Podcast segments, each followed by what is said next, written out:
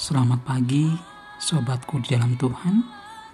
Dalam program Morgan Witches ini, saya berharap setiap kita yang telah mempersiapkan diri di tempat kita masing-masing mendengar perenungan pada pagi ini, menolong setiap kita untuk kita boleh memuji Allah dan menyatakan syukur kepada Tuhan.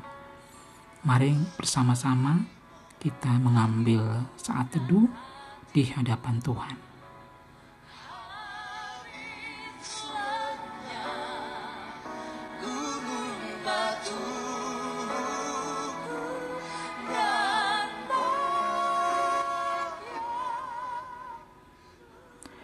Sobatku dalam Tuhan, pagi ini kita akan kembali melanjutkan pembacaan kita dan hari Kamis ini kita akan membaca dari Mazmur nomor 104. Mazmur nomor 104. Pada bagian ini akan dibagi dalam beberapa tahapan bacaan.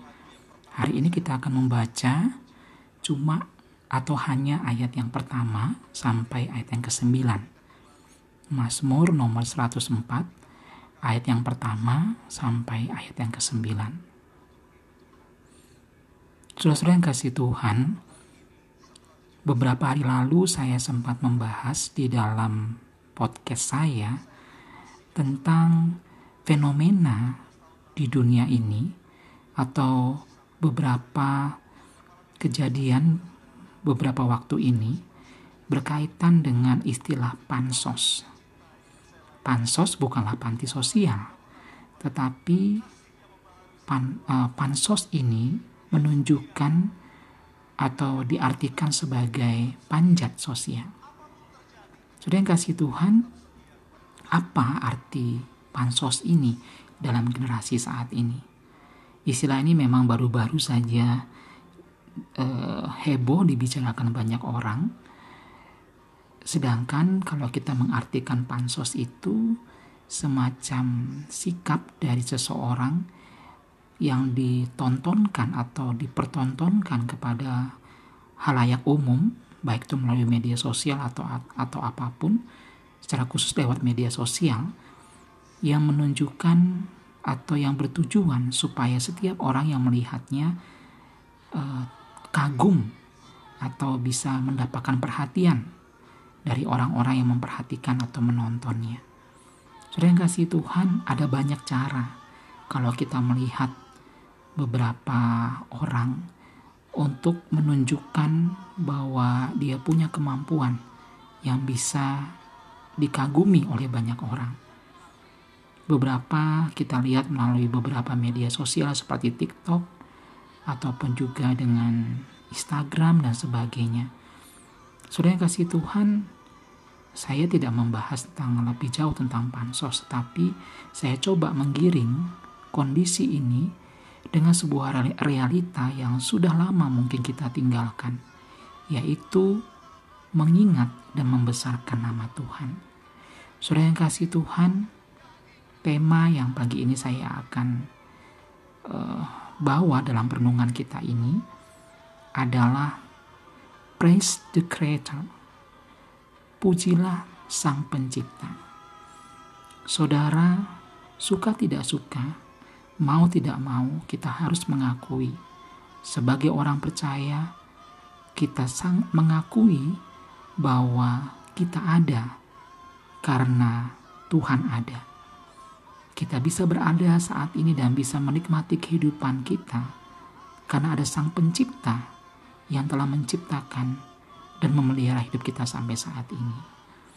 Saudara yang kasih Tuhan, bicara tentang Sang Pencipta, kalau kita membaca dari ayat yang pertama sampai yang ke-9 ini, secara khusus kalau kita memperhatikan di dalam beberapa bagian ayat-ayat tersebut menggambarkan ekspresi dari pemazmur mengungkapkan tentang kebesaran Sang Pencipta itu. Kalau kita melihat dalam ayat pertama sampai ayat yang ke-9 itu ada dua bagian yang saya lihat menggambarkan tentang pemazmur yang memuji Allah yaitu pemazmur memuji Allah karena kemuliaannya dalam ayat 1 dan 2. Sedangkan ayat 3 sampai yang ke-9 itu bicara tentang pemazmur memuji kuasa Tuhan.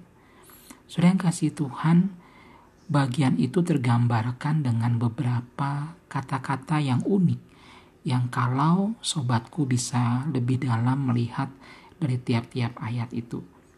Mari kita perhatikan beberapa kata-kata yang mengekspresikan tentang kebesaran Tuhan. Hal itu bisa terlihat dalam ayat yang ketiga. Dikatakan bahwa Allah itu diperlihatkan dengan gambaran awan-awan sebagai kendaraannya Ayat yang keempat juga dikatakan angin sebagai pesuruhnya. Lalu ayat yang keempat yang sama juga dikatakan nyala api sebagai pelayannya. Lalu kemudian kita juga melihat ayat 5 dikatakan kekuasaan Tuhan itu uh, sangat besar sehingga pemazmur mampu mendasar apa istilahnya dalam bagian itu begitu besarnya kekuasaan Tuhan sehingga ia mampu mendasarkan bumi hingga tak goyah. Lalu kemudian juga dikatakan dalam bagian yang keenam tak men dan menyelubung menyelubunginya dengan samudra raya. Air pun taat pada hardik hardikannya ayat 7 dan 8 dan batasan yang ditentukannya. Sudah kasih Tuhan beberapa kata-kata yang unik ini menggambarkan bahwa tidak bisa dibatasin dan tidak bisa diungkapkan oleh pemazmur begitu luas, begitu cantiknya Allah itu. Sehingga ia hanya mengatakan dengan mewakilkan kebesaran Allah itu dengan beberapa kata-kata yang tadi sudah diperdengarkan. Saudara yang dikasihi Tuhan, kita sebagai Sang Pencipta patut bersyukur kepada Tuhan yang sang pencipta itu. Kita sebagai pencipta patut bersyukur kepada Tuhan sebagai sang pencipta. Kalau kita melihat dalam bagian ini, ada perbedaan yang sangat jauh antara Allah sebagai pencipta dan manusia sebagai ciptaan.